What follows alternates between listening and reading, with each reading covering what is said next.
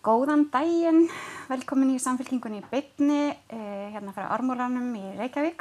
Nú eru loks ekki neyðarsteg á Íslandi, það má fagna því og hérna mikið búið að ganga á undanfarið þegar við byrjum á þessum þáttum. Það, það mátti ja, næstu því enginn hittast, nú mega, má fólk hittast og, og svona vera næran en tveir metrar en, en við erum að halda fjarlæðina sem við höldum að sjálfsögðu áfram hér Eh, vona að fari vel um ykkur öll, ég heiti Heiða Björg Hilmisdóttir, var formaði samfélkingarinnar og hef fengið hér góðan gæst til að spjalla við mig í dag. Hanna Þórunu Hildu, Huldu Sveinbjörnsdóttur, mm. formann landsambands eldri borgara sem að eh, hefur nú látið til þessum taka og félag eldri borgara á þessum COVID-tíma en það full ástæð til því voruð í þessum áhættu hóp eins og stöðut var talað um og, og hérna og alls konar skilaboð við að úr samfélaginu um það hvað þið ættu að gera og ekki gera og, og, og hérna, hvernig þetta var alltaf, hvernig, hvernig var þetta allt saman Þórin, hvernig eh, var þessi tími? Hann var mjög merkilegur og, og hérna, ákallega lærdómsríkur fyrir okkur og einmitt þetta ram okkur svona inn, það var mjög merkilegt og eins og alheimur veit að þá, þá náttúrulega er Ísland að skera því úr með því að, að hafa lokað eins og hjókunaheimilónum og þó það sé sárt og ýmislegt sem fylgir því en þá er líka aukið álega á starfsfólk og fleira og fleira en, en það, ég held að það sé bara talið heimsmynd þessi aðferð. Hvernig við fórum að þessu. Já, gagvart hjókunahheimilun sérstaklega. Mm. Nú og síðan að, að ná svona vel til uh, eldriborgara og bara fólksins í landin í heldina um það að við værum samiðilega í þessu stóra verkefni. Mm mm -hmm. að, að hérna, hlúkort að öðru og, og ég fekk nú að koma til þessar mm -hmm. í mhm. þáttinn hjá þeim og, og það var mjög mikilvægt, mikilvægt skilabóð sem við gáttum fengið að koma með bæði varðandi kennslu á iPad og við hefum deilt út yfir, yfir hérna, tefnilega þúsund bæklingum til þess að læra á spjaltölfur heima og hérna, það er gott að nota tíman og, og fá eitthvað út úr þessu í leiðinni En það er náttúrulega einn heimur sem eldri bólkar þurfa að huga betur að. Nú og síðan vorum við mikið að tala við eldra fólk um, um hreyfingu. Mm.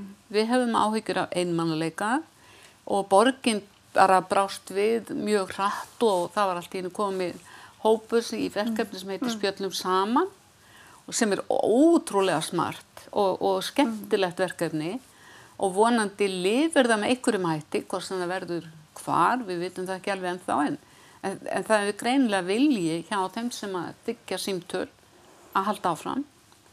Og það var þörf.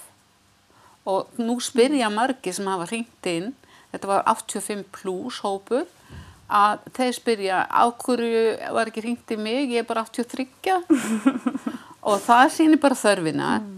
og það sem að gerðist við það að þetta byrtist svona ofinbeglega að sveitafjölegin mjög mörg fóru í þetta ímist félögin eða sjálfsveitafélögin að ringi sitt fólk og, og spyrja bara hvernig líður þér, er allt í lægi, getur við breytt ykkur, getur við lagað eitthvað og þetta held ég að hafi flýtt fyrir eins og heimsenda matnum mm -hmm. að það voru miklu fleiri sem bættust inn í þann hóp og það var einfaldað ef við tölum um höfuborgarsvæði með einu símanúmeri mm -hmm. sem að breytti held ég afar miklu og eins líka tímamörkið því að fyrra kerfi að ringja fyrir 20 mínútur yfir nýju að það er ekkert allir vaknaði þá því að mm. það er mjög mikið um svona A og B típur í þessu annarkort vaknamenn fyrir allar aldir eða mm. kúrasóldir mm -hmm.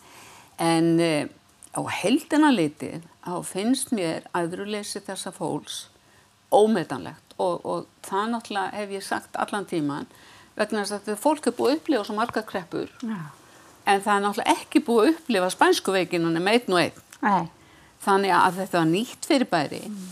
og það sem eftirkosti núna er kannski svolítið þessi sæsla við að fara aftur inn í samfélagið, fara út í mm. búð fara í leikús, taka þátt uh, þannig að ég held að þetta sé aldrei magnað að hafa valmöguleika um mm. það þú hafi svolítið rými í kringum þig meðan að fólk er að jafna sig Akkurat ég held að það skiptir máli en, skiptir máli. en, en í heildina liti þá erum við ákaflega stolt af eldri borgurum. En er það ekki einmitt sko, stærsti hlutin á því hvað þetta tókst vel hérna í Íslandi? Að eldri borgari tóku svo miklu ábyrð þið, þið fylgdu öllu og, og hérna og við vorum ekkert að heimsækja og, og trúða okkur þar sem við áttum ekki að vera og, og þannig að ég held að fólk, fólk syndi þessu og, var heima og, og Það, það, það jógst eh, líka opúslega mikið þessar gönguferðir. já, Það var á öllum göngustígum fólk út að ganga Já. sem er náttúrulega alveg frábært. Og eina sem ég saknaði þegar að fór nú aðeins að vora meira, það er að sjá meira af fólki sem þarf að fara út með sína göngugrind. Við erum ekki eins og öflug í því eins og aðrar þjóðir. Að það er ennþá eitthvað pínlíti eftir að, að ég fer nú eitt að ganga úti með göngugrind eða staf og ég held að þessi aðgengismál sem er eitt af því sem við viljum vinna meira að að, að fólk líka líti á þetta sem eðlilegan hlut en ekki eitthvað vandamál eða, eða líti svolítið niður á sjálfa sig. Já. Ég vil fá fleiri rafskutlu líka þarna á þessar Já. góðu göngustíða Einmitt. Af því að fólk þarf að njóta þess að komast út. Það skiptir svo óbúslega miklu máli. Ég held að þetta sé alveg hjá þér. Ég man bara eftir þegar ég flytti til Svíþjóðar sjálf hvað, hvað mér fannst þetta ábyrrandi. Hvað Já. fólk er og líka bara börn. Börn eru bara lengur í kerrum þegar þau eru lítil heldur en við okkur finnst einhvern veginn bara leiðtum tveggjara að þú geta að lappa sjálfur. En, en þarna bara ef þetta léttir undir, ef þetta gerir það að verkum þú getur farið í lengri gönguferðir, af hverju ekki? Já. Þannig að við kannski þurfum, þannig kannski eins og þú nú oft sagt Þórun og þið hefur verið ötul í, með okkur í velferðartekninni sem að við hefum nú sett svolítið á oddin í Reykjavík og sett á stað svona velferðartekni smiðju sem að við höfum verið að vinna með ykkur í. Þetta er kannski eitt af því sem við þurfum bara svolítið að, sko, það er, það er bara sniðut að nota sér tæknina þar sem hún getur hjálpað manni. Já, og, og hérna, ég hef líka verið að, að spyrjast fyrir uh, hjá þeim fyrirtækjum sem eru með hluti fyrir eldra fólk, af hverju hafið ekki ennþá meira úrval bara líka við konur sem vilja vera svolítið fínar.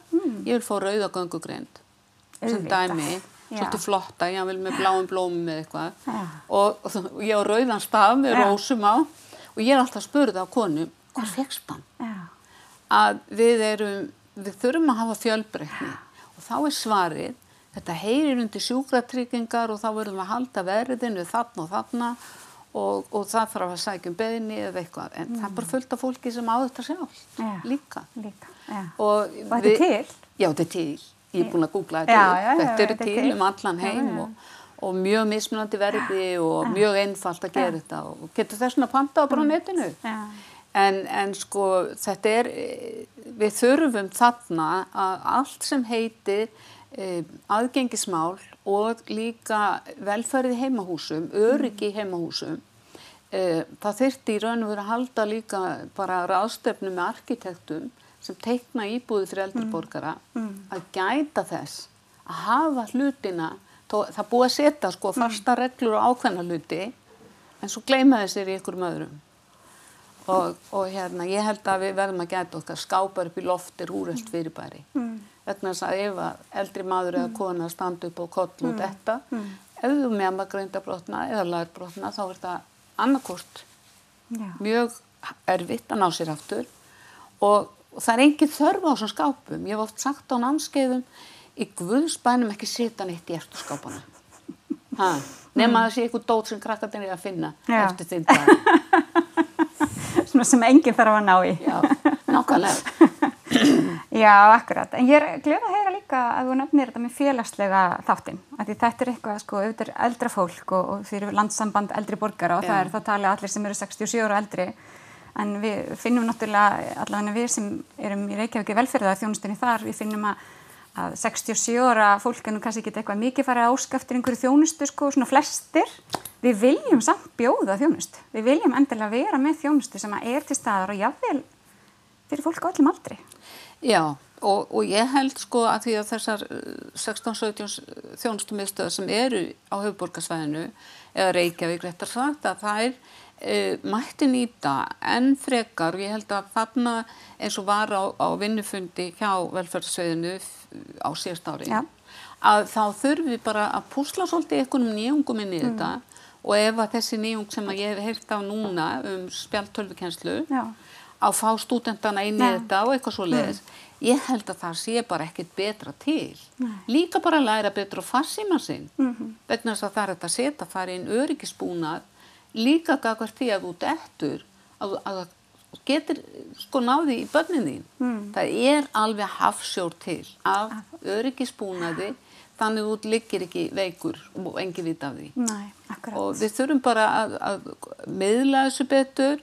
Ég býð eftir að, að, að útastjóri bjóði mér að koma með eitthvað svona keininga þátt og ég veit að fullta fólki sem myndi vilja taka þátt í því. Ég var á hérna vikunni fyrir Norðan uh, hjá Lísu fyrir, hérna, sem svona félagsskapur og hérna þar var hann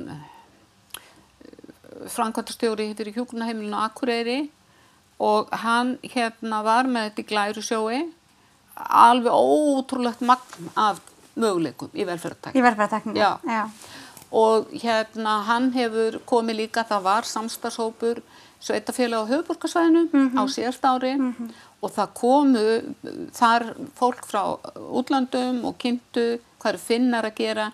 Þeir eru búin að snúa við blæðinu í heimaþjónustu sem dæminu. Já og eru núna að hugsa um að, að, að sko manneskjan reyfi sig mm -hmm. en ekki bara koma með kústin og, og sópa og þrýfa mm -hmm. heldur, við skulum heldur koma út og hengja þvottin og snúruna lappandi saman mm -hmm. heldur en að, að bara klára þetta lífsgæðin hafa snúst við Já, það er hótt á man, manneskuna núna sem ég held að skipti megin máli Ég held að það sé alveg rétt hjá þér og líka sko, ef við glemum ekki þegar við erum að tala um eldri borgara hvað þetta er fjölbryttur og stórhópur og nú er oft talað um stóra hópin og, og sprengjuna sem er framöndan og ykkur eftir að fjölgum 50% og, og allt það sem að getur nú verið bara doldið spennandi held ég fyrir Ísland að vera að verða svona þrosku þjóð.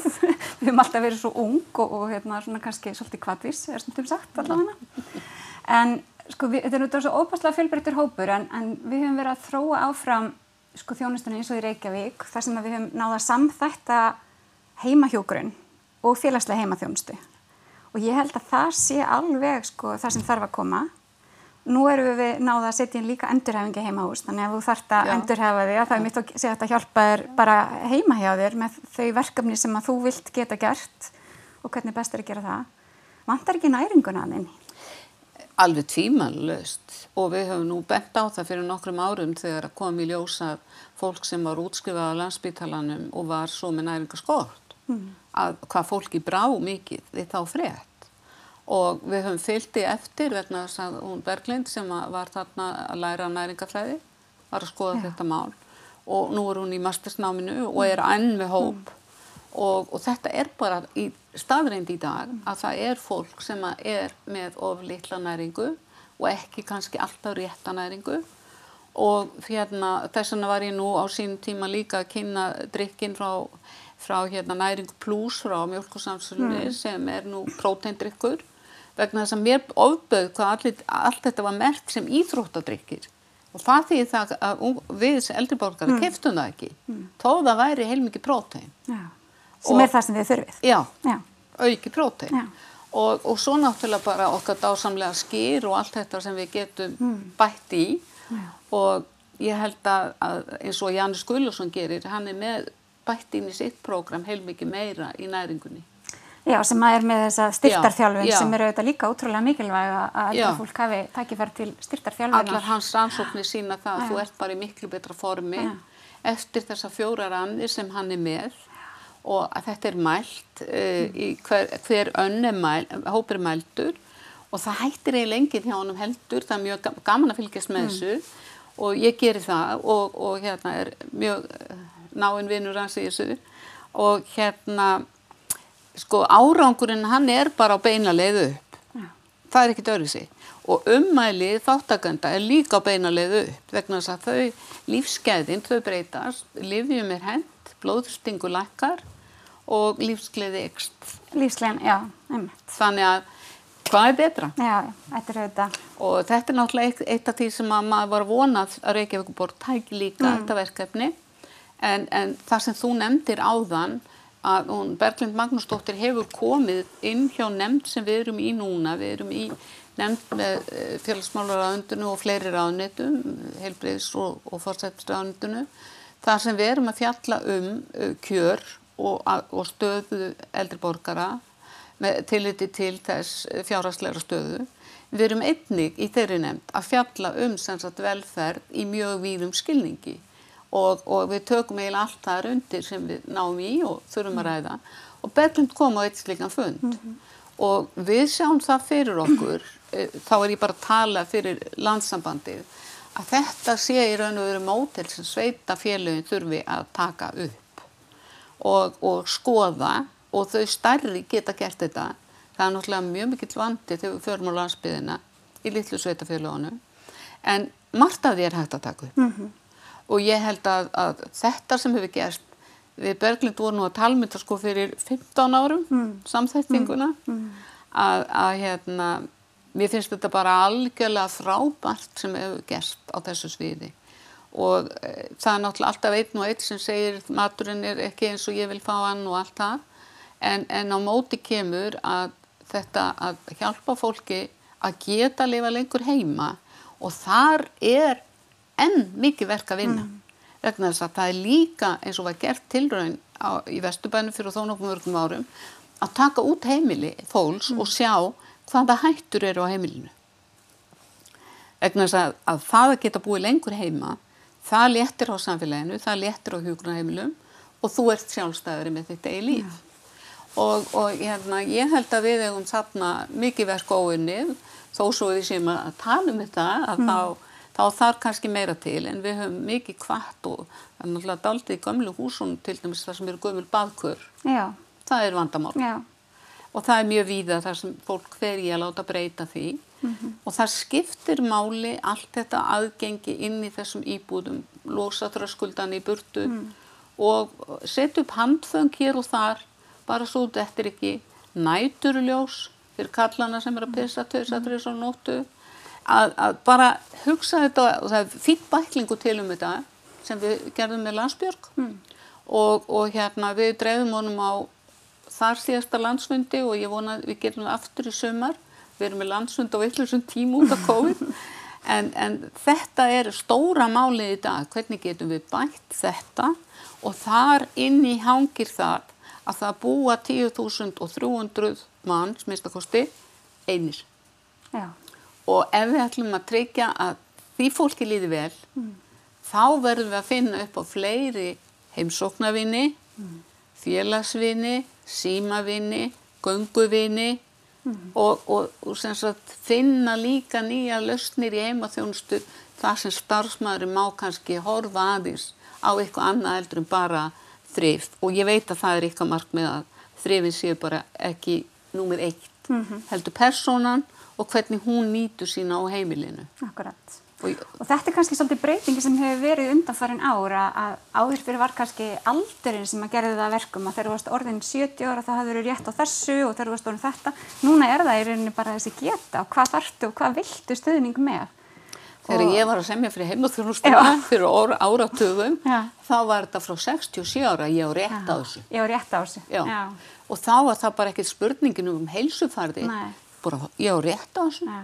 En við erum komið langt frá þessu. Já, algjörlega, algjörlega, algjörlega farin bara frá þessu vegna þess að hinn félagslegi stuðningur, hann verður alltaf mikilvægur og þegar við fórum líka út í það að búa til mentun fyrir félagsliða, að það var hugsunin á bakvið það, bundin við það að þeir mættu tala meira við fólk heldur en eh, var inskrifað. Já. Vegna þess að, að það, ég hafði horta á myndband frá Noregi þegar við fórum á Kvennaþingi 1988, þetta er svo gammalt, að það var okkur gefið myndband frá heimaþjónustunni og það var notað í kennslu til þeirri starfsmunni heimaþjónustu hér lengi og það var eh, sem sagt norsk kona sem var að fara í fyrsta skipti að hitta eldri mann og hann var kvíðinn, mm. kemur nú einhver hérna og, og veður um á riksuðun út um allt og ég verð bara hættur. Mm. Hann var síndur í þeim ástandi. Og kona var svolítið kvíðin hvernig tekur þessi gamli maður mér? En þau eruðu síðan perluvinnir en það var leist með því að þau gengur saman út í búð. Hann tó ákvað hvað fór í körfuna mm -hmm. og hún eldaði örlíti fyrir hann. Þau sátt og spjölluðu. Þrefum voru þarna. En hún sagði þú þart að bjarga þig líka. Mm -hmm. rifja upp hvernig er að strauja skýrtuna þína? Mm -hmm. þetta voru svona svo jákvæð skilabóð og við vorum þarna kannski nokkrum árum og undan okkar samtíð að, að hugsa um þetta út frá manneskinni sjálfri mm. því að, að þessi döðu hlutur í kringum okkur, þeir verða alltaf minna og minna virði eftir sem við eldumst. Já. Man er, sko, maður er ekki að sapna döðum hlutum lengur nei. þegar maður er komin um og yfir sjötugt. Það er ekki mottóið að fara í einhverjar verslandi til að leita einhverjum blómavasa eða einhver álíka. Það búið. Þið, þið eru meira að gefa og við, yngra fólki er að kaupa þetta einhverstaðar í góða hyrðinum og, Ég, held og finna eitthvað sem já, þau eiga já, síðan í já, nokkur ég ár. meina, Maður bara setur upp og á stofuborði og segir við ekki? og dóttur, hvað viljið þið? Já. Og eins með dúka og annað, hvað viljið þið? Má bjóða okkur þetta? Þetta er bara Allt hefur sinn tíma. Já, Já. já, já, já. En, en gildi smatið, það breytist óbúslega. Mm. Algjörlega. Hvað, þá, mér finnst persónulega bara dagurinn skipta máli eh, þessi líðan, hvernig ferði á stað út í daginn og hvað getum við gert til að, að, að leiðbeina fólki að fara jákvætt út í daginn. Og við höfum svolítið út á COVID, þá hittum við konu hana, Jófríður heitir hún, held ég með að segja, Fanney Jónmundsdóttir. Hún hafði gert tótt gersladiska um slökun já. og, og þetta er inn á YouTube hjá okkur Já, hjá ykkur, að, að geta sopnað og eins hvernig ferði inn í daginn? Já, og Qigong, Mm. við mælum með því allt þetta sem hefur þessi jákvæðu áhrif. Nú bara við getum sjálf líka sagt við okkur þetta verður góðu dagur. Mm. ef, við, ef við einbyttum okkur að því að byrja daginn jákvætt auðvitað með góðu morgumat Mhm, að það skiptir líka máli. Já, já, Segir þú- nei, nei, Nei, ekki þú sem næringafræðingur að þú mátt ekki glemma því. Nei, nei, nei. og hérna og hollur, það er náttúrulega alveg grundallaratriði en, en þetta hefur svo mikil áhrif á framvindu dagsins. Akkurat. Það er, eru mjög góðar leiðbynningar sem eru hjá okkur og mikið af efni, af því ég fór nú inn á heimasíðuna áður en Já. ég bauðir í heimsókn, rosa bara mikið af efni sem ég náttúrulega hveti allir til þess að skoða. En þú komst aðeins áðan inn á það að það eru 10.000 mann sem búa einir Já. sem er auðvitað hérna, hópur sem við þurfum að helst að halda áfram að ringi og Já. bjóða til okkar og, og breyta félagstjónustunni og félagsstarfinu þannig að fólk finni, finni sig. En ég hef líka svolítið ágjör af sko fátækt með eldri borgara og það er eitthvað sem að því hafi verið ávarpað. Við heldum nú í ráðhúsinu á hvað síðasta ári held ég, þar síðasta, þetta líður svo hratt. Þrjú ár síðan. Þrjú ár síðan, já, já, Já. akkurat, uh, ágætis erindi eða svona ráðstefnu um, um, um fátækt og síðan held ég að það hafi bara fjölgað í hóknum. Uh, það var uh, öldungar á Reykjavíkur sem að held þessar ástefnu og fjallaði um fátækt og það var alveg stórkostlega byrjunaskref. Já. Þyrfti að endurtaka þetta Já. en við erum líka með glænýjar tölur vegna þess að í nefnd sem við mm. vorum fyrst í árs, nefnd sem var í eitt ár, 2018, sem að skoðaðu kjör eldri borgara og, og hvernig þau greinast í niður og við höfum verulegar áhyggjur af þeim sem eru í, í sem sagt, þetta er bara eins og trappa, að þeir sem eru neðst í þessu, það er, þetta, þetta er greint í tíundir, þannig að þetta eru tíu hópar. Og í minnir að undirliggjandi tala sé um 39.000 manns sem að deilist á þetta. Að þeir sem er í neðstu tíundinni, það er fátækt, alveg pottjætt, sko fátækt, Já. alvarleg fátækt. Næstu tvær tíundir er fátækt, það má ekkert bera út af, engin tæki bíla eða eitthvað í þeim dúr eða, þú veist, ef eitthvað bíla ríksugan eða þóttaðilina, þá er bara neðar ástand. Eh, Þetta er fólk sem leita til hjálpastofnana. Eh, Hún segir mér hún Vilborg hjá hjálpastarfi kirkjunar að það sé líka algengt að fá hjálp við ef að þegar lifin rúlla yfir árið og kemur stórið árin og þú þarfst að borga meira tímabundið. Að þá komi eldri borgara til Já, hjálpastofnuna já, kirkjunar já. og skiptir að fá stuðum til að geta og eins glerugu, heyrnatæki eru mikið vandamál. Það er alveg ótrúlegu fjöldi, það er talað um 4000 eh, vanti heyrnatæki og af því sé hluti vegna fátæktar. Ég skil það vel, þetta er einhvern veginn sett á fólk að eiga fyrir þarna, jáfnvel 100.000 þetta er Bestu tækin sko. eru á bilinu 3 til 500.000. Já, já.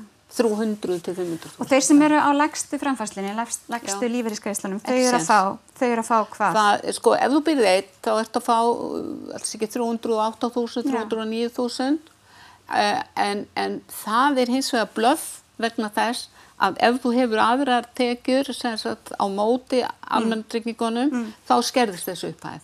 Og hún skerðist alltaf hratt. Já, og það þýðir það að það er ekki nema rétt um 700 mann sem fær fulla heimilsuppbót. Já, já. Síðan byrjar hún að skeiðast niður af þessum 10.000 og það, þess vegna er þessi hópur sem býr við mjög slökkjör, hann er ofstór og, og það eru marga nefndi búin að vera til sem hafa Jú, jú. fjallaði fátækt og ég veit ekki hversu oft ég er búin að fara yfir þetta með ráþærum og það er allir sammálum, við viljum ekki hafa þetta svona. Og hvað gerum við þá? Getum við gert eins og Danir, þeir hafa e, þrep undir þar sem að fólk getur lagt fram sína skattskíslu og eignastöðu og, og það allt og þá er einhver uppbót. Um, við verðum bara að finna leið. Þetta er alveg útilokað að hafa þetta svona og það er einhvern veginn þetta er alveg eins og með fátæk börn og fátæka aldra þetta þetta er ekki að ganga upp þetta er bara ömulegt en, en auðvitað er líka galli í lögjöfinni að, að greinin sem fjallar um almannatryggingar 69. grein almannatrygginga laga hún gerir ráð fyrir þegar á að hækka um áramót að það skuli miðast við uh, velastróun eða sem sagt, launathróun eða velastróun og þeir nota alltaf verri hliðina. Það er að segja, velastróunin mælist kannski 3 til 3,5% á meðan launathróun er kannski 4 til 5 og jáfnvel hærra.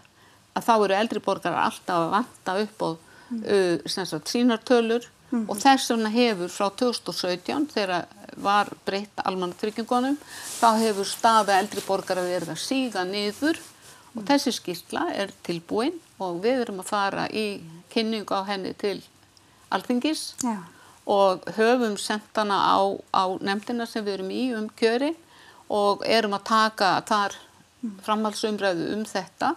Og ég hef líka rætt þetta við nokkra af ráðherrónum og, og hérna það er mjög erfitt að ná í þá í COVID-tímanum og, og eða fá tíma. En, en þetta er eitthvað sem við erum við eh, segjum stundum er verið að byggja eftir uppreist vegna þess að það gerir sér engin grein fyrir því að heldartalan frá 67 ára upp úr verður 45.000 á þessu ári. Það er aldrei mikið. Ef að menn gleyma þessum hóp, ykkur stjórnmálaflokkur, þá fær hann ekki atkvæði. Nei, og enda engin ástæð til þess að kjósa þá sem fulltrúa sína sem ekki eru að Sem sinna að, sem að nefna aldrei Nei, aldraða. nei. Það er bara ekki gott. Það er bara ekki í lagi. Nei. Ég hef séð þetta líka, ég hef fylgst með þessu hjá uh, Reykjavíkuborg þegar aldraðir sem eru á fjárhasastóð. Já, Því að það er nú eitt að, að legstu greiðslur séu undir lámaslaunum Já. hjá ykkur, Já. eða sérst ykkur hjá almanna tryggingakerfinu sem að ég skil reyndar ekki alveg hvernig ég fundi út að eldra fólk geta að lifa Mhm. undir framfærslu en hérna e, að það eru um 100 manns 60 ára og eldri á hverju mánuðu sem eru að fá fjárhásástóð framfærslu já, eldri en 66 ára um 60 manns á hverju mánuði. Þetta er fólk sem er að fá, já, sko, 190. já, sko, ég veit ekki, ef þú já. býrð inn á öðrum, kannski Já, 150, já. ef þú býrð 1, 200, Mm. þetta eru óbúslega lágar tekjur og þessi hópur fyrir stækkandi, þetta er að miklu hluta fólk kannski sem er fætt annar staðar og hefur ekki áunni sér réttindi á Íslandi. Er Það- þetta hópur sem kemur til ykkar? Við vitum á honum Já. og í fyrir nefndinni sem ég nefndi að þá var tekið á þessu máli mm. lagabreiting eða lög númer 666 liggja fyrir alþingi, þau eru ekki á velferðanefnd alþingis, þau átt að taka gildi 1. júni, sagðir á þeirran félagsmálar á þeirra eða okkar mm. og hérna þau sita, þau er búin að sita först líka í fjármálaröndin í vetur þetta er til að grípa þá sem að eru með skortir upp á 40 ári að lifa hér í 40 ár er grundvöllurinn fyrir eiga fullan rétti almannatryggingum. Þessi hópur, þetta er millir 700-800 manns í heldina að þetta er ímist Íslandingar sem hafa búið ellendis, ekki almennt á Norðurlöndunum en í löndum þar sem að, að kerfið virkar ekki sem skildi Eh, fólk sem hefur kannski lært og mentað sig í einhverju landu ákveða að vinna þar í 10-15 ár og ekki safna réttindum og, og hérna við náttúrulega Íslandíka flækist um allan heiminn eins og allir vita. já, og síðan er þetta aldraðir nýbúar sem uh, hérna eru búin að búa hér og eru með skert eða kannski 20% í almannatryggingum, 20-30% í almannatryggingum, af því það, þessi 40 ára regla er alveg stíf. Þannig að tókum við norska leið og, og báðum um að hún erði þýtt og það var gert og, og, og þessi lög eru byggð á þessari norsku reglu. Þannig að það horfir til bóta með já, þennan hóp. Já, en bara byðin, ég er stundum að hugsa hvað í óskupunum þarf til að alþingi drífir nú svolítið áfram hluti sem eru svona bráðnausilegir. Vegna þess að þarna erum við að tala með þetta hefur tekið gildi 1. júni að þarna býður fólk er, eftir því að geta að lifa mannsamandi eða þokkalega. Þetta verður ekki 100% en 90% regla í þessu og, og hérna ákveðnar hindranir náttúrulega og þú ákveðin bú, búsetu tími og annars lið. En, en þetta verður verulega til bóta. Til bóta. Já, og norðmenn eru stoltir af þessu. En við eigum líka gríðalegt verk að vinna e, í sambandi við eldra fólk af, af ellendum uppröðuna. Mm. Þar er önnur bylgja sem fólk áttar sig ekkert á að, að fólk frá 60 til 100 ára eru 3076 einstaklingar. Í dag á Já, Íslandi. já. Og verða nú heldur fleiri. Já, það fer, skal við segja, alveg eftir því eh, eins og pólverið sem hefur búið hér í 10-15 ár á lífitsjóð, eh, ég bara með dæmi sem að Já. byrtist mér alveg pottjætt og, og konan vann á hjókunaheimili og, svo bilaði heilsan 66 ára, þau fluttið til Pólans vegna var, þau fá meira fyrir peningin við að fara heim. Mm. En það gera það ekki allir. En, og sömur eru komni líka út af saminningu fjölskyldna. Og ef það er þá er náttúrulega voðalega vond að amman sem kemur og býr hér og búin að kannski passa hér börnin þeirra e, stórum hluta svo þau getur unnið og hún fær ekki krónu neins þar er á framfærslu ba barnana sína algjörlega við erum ekki stödd þar í dag ekki að mínu viti Nei, við erum það, en ég er ekki sátt við það. Nei. að ég hef einmitt hitt svona konur, já, eldri konur já. sem hafa hérna, komið hér að hjálpa til og, fóreldrarnir Já. fimm batna bagður að vinna láluna vinnu og munar um hvern tíma sem Já. þú ferði yfirvinnu og, og, hérna, og svo þegar hún eldist og veikist og þarf að fara á hjúgrunarheimili þá er engin penningur. Þannig að hérna. Þetta er, er rosa sárt og manni finnst einhvern veginn Já, Íslands, við Íslands erum, samfélag ætti þetta, ekki við verið. eigum ekki vera svona. Við eigum alls ekki vera svona. Og, og okkur skorti líka og við fengum styrk frá félagsmálraðundinu til þess að vinna svolítið fyrir þennan hóp og þær eru í þeirri undirbúinisnefnd, Guðrún Ágústóttir og Barbara Kristvinsson, uh, Ed Ólas og, og ég og, og, og Guðrún Ágúst og við ætlum sem sagt, jú þær Þórhildur þegar Borgin og Berglind eru svona á lí, línunni með okkur að, að sem sagt, vinna að því að koma upplýsingum til að láta þýða fyrir þá sem eru algjörlega mállausir, Já, íslensku. eld, já. eldri borgara, Já. vegna þess að það kom í ljósára á síðustur ástefnu öldungar á Reykjavíkur sem við heldum síðastu öldungar á, að nýbúarnir koma, eh, aldrei nýbúar koma alls ekki félagsmiðstöða sem dæmi. Nei, einmitt. Nú erum við í Reykjavík, nú tölum við óa mikið um Reykjavík að ég, hérna, er svo, það er svo nálægt okkur, en, en við í Reykjavík erum núna í sko, stefnumótun fyrir félagsstarfið, félagsstarf Já, eldriborgara og, og viljum gætnan fá sem flesta eldriborgara að því fyrir stefnu. Já, Að því okkur langar, við erum, við erum bara í Reykjavík með 17 félagsmyndstöðar sem eldriborgara geta sett nákvæmlega. svipsvinn á og ákveði hvað á að vera að gera. Og hérna, ég Þarna- held að þarna sé svo mikil tækifæri. Já, og það, þegar ég fór í sjónvarpið útvarp út af þessu núna fyrir stutti á að sjónvarsveital, að þá var hatt samband við mig að það vinnur einn frá Þýskalandi í einni félagsmiðstöð og önnur frá Afríku í annari félagsmiðstöð og þær kom og sagði með blá augun sín alveg galopin, af hverju kemur ekki fólki til okkar?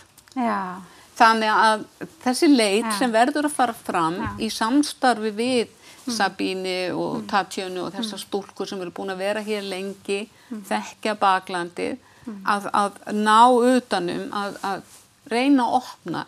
Eins og þegar við vorum með mentoraverkefnið, þá opnum við samfélagi fyrir þeim sem kom inn í það, en það því miður lifði ekki af, uh, af svona, lendi inn í afleðingur hrunsins síðasta síðast. í. Já.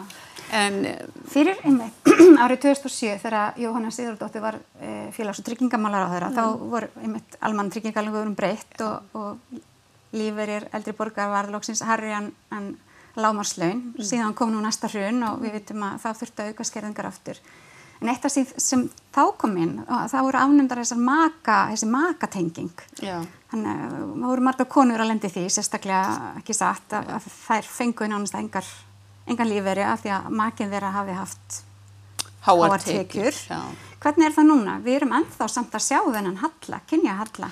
Kynjahallin kemur náttúrulega út af því að, að konur er að fá út úr lífyrirsjóðu svo miklu, miklu læri en kallar ja. og það að hjón skipsti með sér lífyri er ekki algengt, þó það sé hægt og, og hérna það, það er eitthvað sem, og eins við skilna þá ætti fólk að skipta lífyri mm. ef, ef annar makinn hefur unnið kannski bara hlutaæfinar, mm. þá er það sangitismál og það er við að fara að gera það við skilnað eða þannig og eins náttúrulega eftirlaun ef, ef að þýra skipta.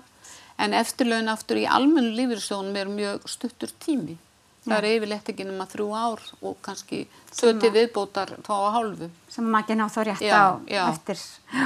En, en sko staða hvenna vegna þess að þær fóru setn út á vinnumarkaðin uh, þær byltingin 75 hafði sitt að segja mm, mm. og svo kom þetta hægt og segandi mm. og mjög mikið hlutastörf til mm. að byrja með já og, og enn í dag eru hlutastörf og það þýðir það, þetta, þessi hópur er bara verðstattur fjárháslega, mm. það er engin spurning. Þannig að þessi, þessi launaminnur kynjana sem við erum að verjast Já. gegn, hann hefur í rauninni áhrif alveg til að enda loka. Enda loka, algjörlega. Er eitthvað sérstakt sem við getum gert þarna? Getum við gripið til einhverja frekari sko, aðgerðið? Það verður þetta alltaf bara 50 árum setna Nei, það er náttúrulega búið að breyta sko lífursjósreglunum fyrir almenna vinnumarkaðinu, það er bara 30 ára beð í það, þannig að fullu komið fram. Mm. Ég, kannski þarf að huga betur að þessu gati þannig að mm. almenna lífursjónir eru full þroskaðir að, að hafa hugsanlega eins og Jóhanna gerði mm. Framfæslu uppbót. Hún hjálpaði alveg ábúslega í þessu raunni fyrir, fyrir fólk en hún var líka mjög viðkvæm fyrir skerðingum jú, jú. á hliðina mm -hmm. en, en ég veit ekki, það er mikið veld fyrir sig þessum möguleikum og við höfum svolítið verið að horfa á hvað gera á önnur lönd og, og hérna það til dæmis í Noregi þá, þá máttu vinna þessu vilt ja. hér erum við að, með 100.000 krónu frítekjumarka og vilt vinna eftir að þú ert komin á líferi það er mjög lítið mm. og það er sko ég er ekki endilega að segja allir ég að vinna eftir mm starfsæfni henni almennu líkur en það eru rosa margir sem hafa gamna að vinna eitthvað mm og eða langar til þess, -hmm. eru í fullu fjöri mhm. en þetta á náttúrulega að vera val mhm. en ekki ég, til að ég útrýma 70 ára mörgunum því að það er bara kennitala þá faran að ráða Já. hvort þú mátt eða mátt mhm. ekki en, en það á að vera eftir í bara helsuðinni, áhuga, getu, færni. Og við, þetta er úrreld heimurinn, hann er búin að breyta þessu. Í Evrópu er þessi mörg búin. Og kannski þurftu líka fyrir margar uh, starfstjættir að vera lægri. Margar konur sem hafa vunnið þunga vinnu sem er að fara í kulnun eða að tala um að líka menn eh, er komin í, hérna, örorku það sem verkefælsefningi núna eða stjættafélagin eru mikið að tala um að, að þessi, þetta hrun sem verður á heilsunni sé eh, sko miklu meira heldur en eh, þeirra vátt og að ná. Mm. Ég held að streytan í samfélaginu, hún kannski upplifði það í COVID mm. Mm. þegar allt datt niður og allt var svo rólegt að við vorum komin á eitthvað voðalega mm. mikinn hraða mm. og þegar það bæti stofan á þess vegna hljóttum við að hafa ágjur líka unga fólkin í dag sem þarf að keppast við að komast heim út á börnunum sínum í brjálæru umferð setja först í henni í 20-40 mínútur og eiga þá kannski eftir að finna börnin á einhverju æfingaplássi. Þú ert nú sjálf með stelpur í þróttu og þarna uh, er einn könnun sem við letum gera fyrir nokkrum árum hverjir aðstóða börnin. Mm. Það eru afur og ömur. Mm. Mm. Þar er þau að bjarga svo miklu í skuttlinu já, já, já, og, og það er svo ómeðnalegt en mm. þetta er ósýnilegt. Mm. og einu sinni var sagt við okkur, akkur farið ekki með þetta allt í verkföll? Og þetta var eina, eini möguleikin að aldrei að það fari í verkföll það var að hætta að skuttla börnunum. Já og kannski að hætta að gefa vasapinn sögum við gera það líka en, en ég veit ekki alveg. Já, ég reyndar fekk nú einu sinni þá hugmynd, það var maður sem sendi mér kveði og sagði, ef við ekki bara að loka, það var svo mikið flug frá útlöndum, mm. ef við ekki bara að loka keflauguveinum og sína það hvað við getum eldri borgara. Eldri borgara, já. já. Stöndum þarna og gerum Já, allt vitlaust. Og ég sagði, heyrðu, heldur, hvað heldur við fáum marga dóma fyrir það? Fólk komist ekki flugið sitt. En það er allavega mjög erfitt að hafa ekki samningsrétt. Já, ég skil það, ég skil það. En ég held að sé meira sem að, sko, þú veist, ég held að fyrir barnabörnin sé þetta sko meira en skuttli, það er líka bara tíminn.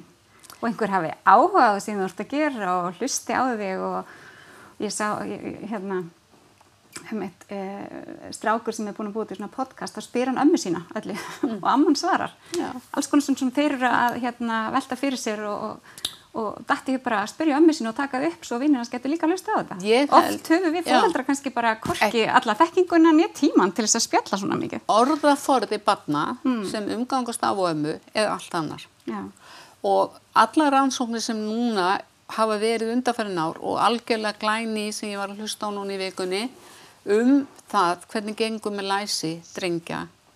Þetta er eitthvað sem verður að vinna að og þarna myndi ég treysta af og ömmu. já, Alveg. Þetta er út af því hvernig þú lærir að lesa, hljóðmyndunin. Og hérna, vegna þess að ef við lítum til foreldra okkar sem voru fætt kannski 1923 og 26 eða eitthvað svo leiðis, þau lærðu alltaf að lesa heima já, akkurat. og eru að koma að læsa í farskólan. Þannig þetta er hægt. En e, ég veit bara um fjölda, fjölda fólk sem að, að segja að það sé ómeðanlegt að fara og spila við barnabörnin eða meir sé að fara í tölvuleiki með þeim. og það er eitt af því sem ég held að eldri borgara líka eftir að auka. Að, og það kom núna fram á hjúkurnaheimilun þegar fóru að gefa iPadana þangað og þessar spjaltölfur að þetta var eins og ó, frelsi að geta séð mynd af barnabörnum, börnun sínum og allt þetta. Spjallað og Já, svona. Já, og, og bara við erum að fara inn í svo mikla tækni og við viljum, við eldriborgar, við viljum ekki missa af henni. Við viljum vera með. En það er meiri þólimaði aðeins við að kenna okkur krokkunum en, en það kemur. það kemur. Já, já, já. já, ég er alveg samfærið það og Já. við sáum það núna einmitt í COVID. Þetta var svona nánast eins og hraðall í að innleiða alls konar svona tækni. Já. Heimsóknir eh, gegnum iPada, Pantamat og- og, og hérna, alls konar sem að auðvitað bara þarf að vera aðgengilegt og fljótt og, og ég held að hérna, það sé ekki, ekki já. Þannig að ég hlakka svolítið til að sjá næstu skref. Já. Ég veit að þau í velferðarteknismiðunni hjá Reykjavíkuborg er að fara að setja upp svona, e, svona e, tilrunastofu þar sem að verður bara alls konar græjur og dót sem verður hægt að prófa Já. og fáum ykkur öflist í það. Já. Hérna, En það er líka, ég held að við séum líka, að það eru hérna nokkuð fyrirtæki sem eru öflug í þessari velferðartækni að flytja inn stuðningsvörur en mér finnst allt og fáir vita að þetta sé til. Já, við þurfum að, að Já, auðlýsa það. ég til dæmis bara það að það sé hægt þegar þú ert búin að lenda í skakkaföllum kannski eftir slís eða eftir aðgerðir og átt vond með að komast inn og út úr bílunum þínum að það eru alls konar hlutir bara sæti tekið úr og það kemur snúnistiskur til þess að þú getur komist beint út. Já, Að það eru oft hindrun, hnýðin styrð, Já. koma aldruðu fólki inni og út úr bíl. Já. Það er ótrúlegt magt til margt. af þessu sem að við erum ekki að nota og ég man eftir að við fengum bæklingum hvað Norðurlundin væri að gera út á aldursvænum borgum það er nú eitt af því sem þið eru að velta fyrir ykkur og eru komin á stað með í Noregi að þá fóru þeir með skoruð á alla sem voru með göngugreind eða hjólastóla eða ykkur hjálpatæki komum út og förum á gödurnar og, og heldur bara hún að ralli um, um miðja Oslo og þetta er svo flotta myndir af þessu já, og mikið æfintýri og annari borg, það var öðru, annar staðar á Norrlandunum, þar var búið til prógram, það var kennsla eh, til leigubílstjóra sem voru að fara með fólk í dagþjálfun og það hétt uh, þólumóði bílstjórin og það var að þeir þurftu að læra um að keira fólk sem að veri annarkost með Alzheimer eða farið aðeins að tapa þessi umgengni og nærgætni. Og þetta er náttúrulega algjörlega góði, góði leigubílstjóri.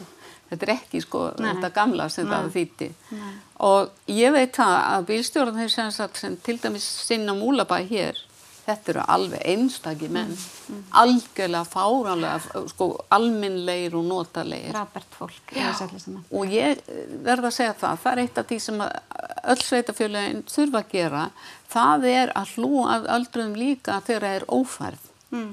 Vegna þess að það kemur fyrir að aldraði komist ekki í dagþjálfun vegna þess að getur ekki móka tröppuna sínar, svo kemur lítið raunistæki og byrti gangbröð, mm. þá kemur snjórin upp á neðstu tröppuna, Já. svo kemur annur hindrun út í göttuna mm. og þá mæta þau ekki dagþjálfun, þau komast ekki yfir þessar hindranir. Já. Á þetta að vera eitthvað sjálfbúalega starf eða eigum við að bæta sér inn í allan pakkan mm. okkar, -hmm. eða hvernig var að lesa þetta? -hmm. Mér finnst þetta vond eins og við fáum alltaf öðru kóru svona vonda vetur. Já, þetta er alveg ákveðis ábending fyrir þá sem eru í sveitafélagunum og, og, hérna. og svo er þetta bara þessi spennandi tími hvort við erum að fæla yfir málflokks aldraðra yfir til sveitafélaguna. Ég held að vera mörg tæki verið þar. En þá stærra mál. Já, en þá stærra mál og, og umdelt en við í samfélkingunni hefum verið fylgjandi því. En það er eitt til dæmis, munurinn á þessu að ef þú byrð í litlu sveitafélagi að þá veit strákurinn sem er að móka göduna hvar hún gunnar býr sem er svolítið öldruð mm -hmm. hann kemur bara á tækinu nær og hreinsar mm. þú veist, samfélagslega hjálpin hún hverfur mm. þegar borg verður stór eða borgir Já, akkurat en við getum samt tekið hana svolítið að okkur íbúar, já, við já. vitum alveg hver býr við liðina okkur og, og hérna, já, við getum oft það ekki til hérna, hjálpar henn mjög sko. sjálfgæft en, en það var byrt mynd á einhverjum ungum pildi að hann var að hann var einmitt held ég bara í COVID byrjunni, já, já. hann var að móka heila gangsvétt Já, akkurat. Bara raukina Já, einmitt, í Vesturbænum.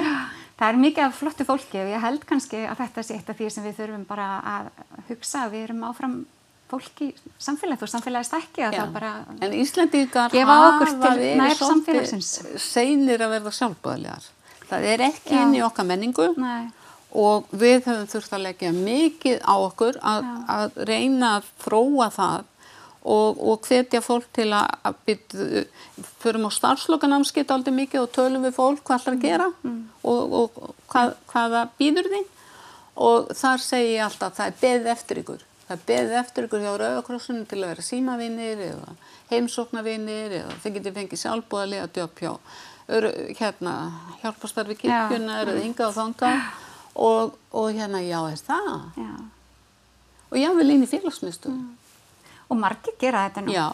En þetta er svona hægt og sígand að aukast og það eru til stóra rannsóknir hvað e, þetta sjálfbúðilega starf er mm. gefandi mm -hmm. fyrir þann sem tekur mm. þátt Akkurat. þetta reynlega opnar uh, þessa þessa jákvæðu tilfinningu í mm. brjóstindu sem þú fart svo mikið að fá -hmm. til að líða vel -hmm að þú hafi gefið eitthvað af mm. þér. Og við erum, já, já. Og við erum þá sammálum það, við viljum að, að sagt, þú ert sammál okkur í samfélkingunni um það að við viljum að, að sem er að valfólks hvenar það hættir að vinna. Já. og þú hafir þá tækifæri til þess að gera ímislegt, sjálfbúðilega eða vinnu eða, félagsstarfi eða menta þig, nú eru margir sem vilja menta sig Endilega, bara hvena sem er. Og við kannski horfum meira þarna líka. Hættum að horfa svona á árið, svona eins og við gerðum með þrifin í heimahúsum einhvern tíman og hérna hættu því líka þarna og, og bara fólk fá svolítið að meta þetta sjálft hvenar það Já. er tilbúið og hvenar það velur að, að breyta til í sínu lífi mm -hmm. ég held að það geti verið mjög gott ég held það og, og, hérna... og enginn er að lifa undir lámarslinum allra síst þeir sem hafa skilað hérna æfi starfinu sko Ég bara, við höfum bara að líta þannig á allt fólk og ég menna við höfum ekki nefnt legumarkaðin í þessari konun nokka voru 2700 manns á legumarkaði mm. yfir 67 ára og það er alveg glata vegna þess að þá ertu bara með kannski 80-90 þúsund eftir. Já, þeir eru búin að borga. Já, mm. eða kannski 120 eða mm. eitthvað svona tölur og þarna erum við á eftir Norðurlöndunum líka. Mm. Þetta er óðarlega vond þróun mm. og það var erfiðara þegar sko, Airbnb kom mm. að það var miklu minna um mm, lát ja. og gott verð á leiguhúsnæði. En nú er allavega henni Reykjavík að byggja mikið húsnæði fyrir eldri borgara og, og, og, hérna, og vonandi við erum land uh, og ég veit að hérna, það eru margir áhuga samir um það. Uh, við kannski komist ekki djúft í að ræða húsnæðismálinn, ég veit að það er samt stort mál hjá ykkur að ræða og hjókronaheimilinn, þeim þarf að fjölga rýmónum þar og húsnæðis leiguhúsnæði þannig að fólk getur minga við sig. Já. Um, En, en sko, ég held að eins og með hjókunaheimilin, það er líka ákveðin mörg hvað ber samfélagið. Því það kostar á, vel á aðra miljón að vera á hjókunaheimili á mánuði. Það veit almenningur ekki. nei, ég veit. Gerir sér enga grein fyrir því. En Við þetta er í raun og veru svona mínispítalar orðið af því fólk er svo veikt. Að þess vegna held ég að, að það, að auka það að fólk getur búið sem lengst heima og þá með raunhæfum stuðningi og sem við erum að, búin að vera að tala um og til þessu að gá hvort að heimilið sé í lægi og svo þetta að missa ekki af að, að félagslega hliðin og næringin sé í lægi. Já, og þetta er miklu ódýrara. Já, verið alveg bara heimin og haf þarna á milli, Já. þess vegna má þetta kosti eitthvað. Mm, akkurat. Og við eigum bara að styðja þetta fólk í því að geta búið sem lengst heima. Og fólk að velja og hafa aldrei að þú hafir Já. yfirráðu við einn lífi og getur svona, Það, fólk vil fá að halda sínu sjálfstæði. Og svo náttúrulega erum við á úreltu plani með það að, að fólk sé ekki með bara reikning á hjúknaheimili þannig að sjáu hvað það kostar. Mm. Sé sunduliðun, hvað ber mér að greiða og hvað er Hvað borgar það fyrir? Já. Og, og þarna er, sko, þú er, ert í raun og ekki fjárráða. Og þetta hefur við rætt við lögfræðinga og talið að þetta sé borlengjandi mál í lögfræðinni. Við erum alltaf að vona að ríkistjórnin sko, og ríkisvaldi sé bara tilbúið að laga þetta. Það var sett nefnd í þetta já, já, og hún skilaði en þær tilúi snýru eiginlega bara alveg á haus. Já. Þannig að við sögum, nei, þetta er ekki alveg að viska. Þannig það eru mörg verkefni framöndan og, það er margt. hérna, ansi margt sem við þurfum að gera en við viljum allavega að fólk fái að að ráða eigin lífi. Er eitthvað sem þú vilt segja að lókum, einhver ráð til okkar í samfélkingunni? Við höfum verið að tala mikið fyrir þessum málum, uh, já við erum alltaf þar sem við stjórnum í sveitafélögum en líka inn á þingi og höfum sem betur fyrir verið í ríkistjórn og vonandi komast við þanga aftur og getum látið til okkar taka. Eitthvað sem að þú myndir leggja áherslu á að við svona myndum breyta. Um, sko ég held, að, ég held að við þurfum bara upp á heilsun að gera að, að stuðla að því að eins og verkefnið hans Janusar er að þessi reyfing uh, sé þannig að, að sko þegar við að byrja að tala um Janusarverkefnið, þú skulum segja bara tíu ár síðan þegar hann var að gera tilraunir að þá þótti það bara mjög uh, hérna erfitt fyrir eldriborgar að fara inn á einhverja svona íþróttamiðstöð eða mm, world class eða hvað heitir að því að það væri allir í svo fínum búningum eða eitthvað svona þetta er horfið. Og hann sagði við fólki vegna þess að það fer í þrek þjálfun þessar hópar hans að, að hérna, komið bara í fötunum ykkar og meina þetta, við eigum bara að vera við sjálf. Já. þóra því allæfi og, og hérna útivera, reyfing uh, börn, afkomendur ef að fólk er svo að eiga það að hlú að fjölskyldunni. Fjölskyldan er hotsteinnin okkar í okkar samfélagi og hérna uh, það þarf að ætliða ef það eru ykkur frængur sem að eru ballauðsar eða fjölskyldan að halda utan um það líka og það er svo margt sem hjálpar í nútímanum bara þessi einföldu tækni að geta mm. sint kannski fjarskildum ættinga með símtali eða Facebook samtali eða ykkuru ég finnst það hafa liðkað mikið samskipt Nei, skilabúðin er kannski bara samfélag fyrir alla eins og við erum alltaf að segja, við séum bara einhvern veginn í þessu saman, allir fóða að ráða sínu eigin lífi. Já, og við séum að virkilega búa þannig að, að fólki á öllum æfi skeiðum að, að þannig sé það, það getur búið og lífað með reist, vali sjálft hvar það vil búa og með hverjum. E, Ég held líka að það sem er að gerast núna með heilsugjastluna skipti aldraða mjög miklu máli. Hún er að verða miklu, miklu nær fólkinu og, og skert á því í COVID að, að heilsa, heilsu vera er flott konsept og við kvöttum til þess að fólk kynnti sér það að það er svo einfalt. Að, að við erum að við erum að losa um hluti sem að að þóttu óviðstíðanlegi fyrir fjórum-fimm árum. Mm. Við það að fá skell þá ítast sumir Já. hlutir áfram. aðrir ekki, já. Þakka ykkur kellaði fyrir þessum voru að hlusta og hérna á okkur þórunni. Við höfum alltaf gaman að að spjalla saman, ég vona einhver hafa haft gaman að að hlusta á okkur.